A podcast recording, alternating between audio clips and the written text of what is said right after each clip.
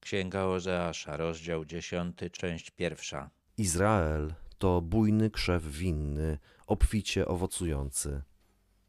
Im więcej miał owocu, tym więcej budował ołtarzy. Im urodzajniejsza była jego ziemia, tym piękniejsze stawiał posągi.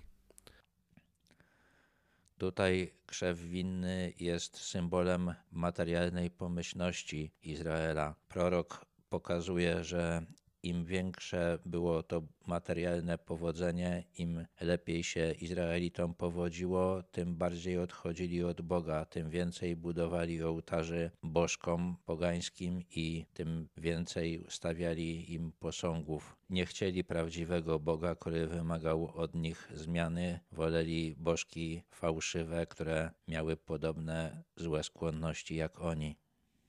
Nieszczere było ich serce, więc teraz poniosą karę. On sam zburzy ich ołtarze, rozbije ich posągi. Wielu proroków wzywało naród do nawrócenia, ale nie chciał się szczerze nawrócić. Objawem szczerego nawrócenia byłoby zniszczenie tych posągów i kapliczek, których tyle w Izraelu zbudowano. Bóg zapowiada, że sam się tym zajmie, sam zniszczy te ołtarze i posągi. Można się domyślać, że będzie to uboczny skutek tego najazdu, który zniszczy też państwo izraelskie i skończy się wysiedleniem Żydów z Izraela. Wszak mówią teraz: Nie mamy króla, gdyż nie boimy się Pana. A król, cóż może dla nas uczynić?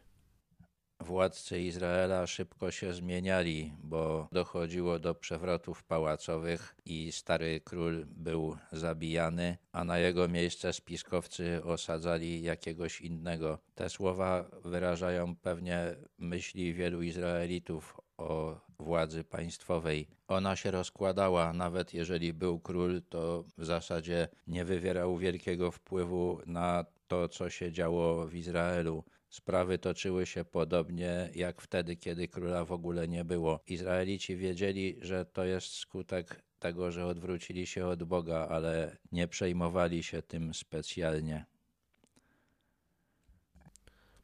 Mówią puste słowa, przysięgają kłamliwie, zawierają przymierza, a prawo wybuje jak trujący chwast w bruzdach polnych. Ozeasz opisuje zachowania swoich rodaków. Mówią bardzo dużo i mówią kłamliwie. Składają przysięgi i zawierają umowy, których nie zamierzają dotrzymać. Myślą, że Bóg na to nie zareaguje, ale Ozeasz już widzi oznaki Bożego gniewu, który jest jak trujący chwast, który zarasta uprawne pola, zagłusza pożyteczne rośliny i sprawia coraz więcej kłopotu. Obywatele Samarii drżą o cielca Bet-Awen. Tak, jego lud smuci się nad nim i opłakują go jego klechy, opłakują jego chwałę, ponieważ pójdzie od nich do niewoli. I przeniosą go do Asyrii w darze dla wielkiego króla. Efraim okryje się hańbą, a Izrael będzie się wstydził z powodu swojego bożka.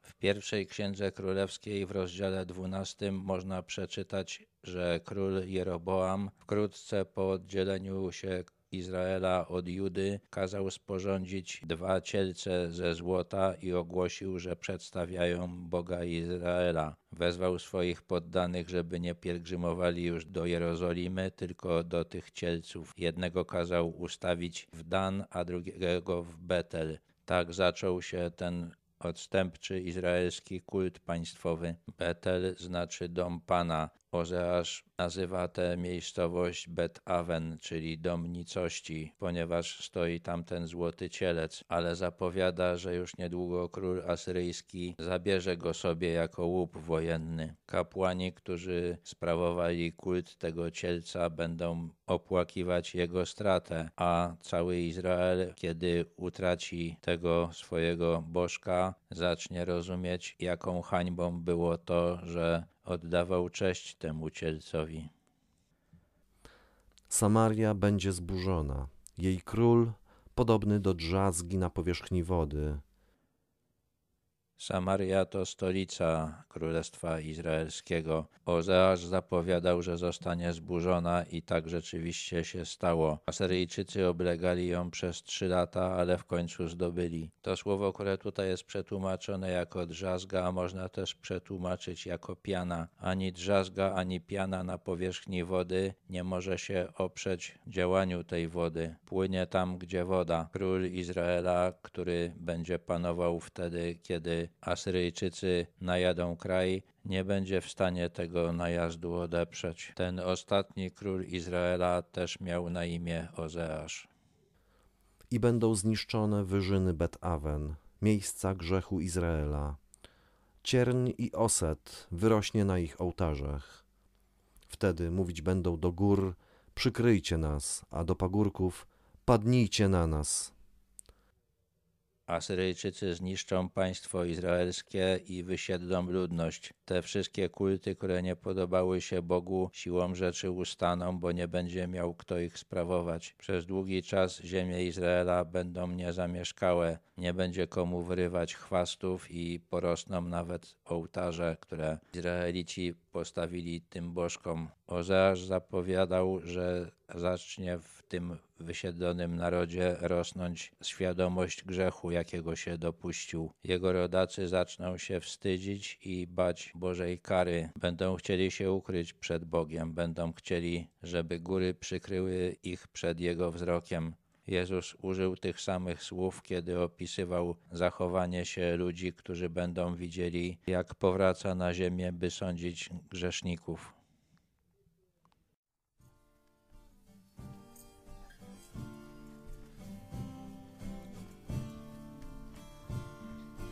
Boże, Ty jesteś mocą i zbawcą duszy mej. Boże, Ty jesteś mocą i zbawcą duszy mej. Prowadź mnie, Panie, ścieżką Twoich przykazań, szlakiem Twoich praw. Tyś mi, mój Panie, w walce z szatanem, Ty zwycięstwo dasz. Boże, Ty jesteś mocą i zbawcą duszy mej. Boże, Ty jesteś mocą i zbawcą duszy mej. Oświeć mi drogę światłem Twojej nauki, życia cel. Podaj mi rękę, kiedy przyjdzie rozstanie, rozprosz szczęściem strach. Boże, Ty jesteś mocą i zbawcą duszy mej. Boże, Ty jesteś mocą i zbawcą duszy mej. Tyś jest, o Panie, ufnej wiary ostoją mocą w klęskich dniach. Łaska Twa zmyła mojej duszy zbrukanie Syna Twego krwią. Boże, Ty jesteś mocą i zbawcą duszy mej. Boże, jesteś mocą i zbawcą duszy mej. Boże, Ty jesteś mocą i zbawcą duszy mej.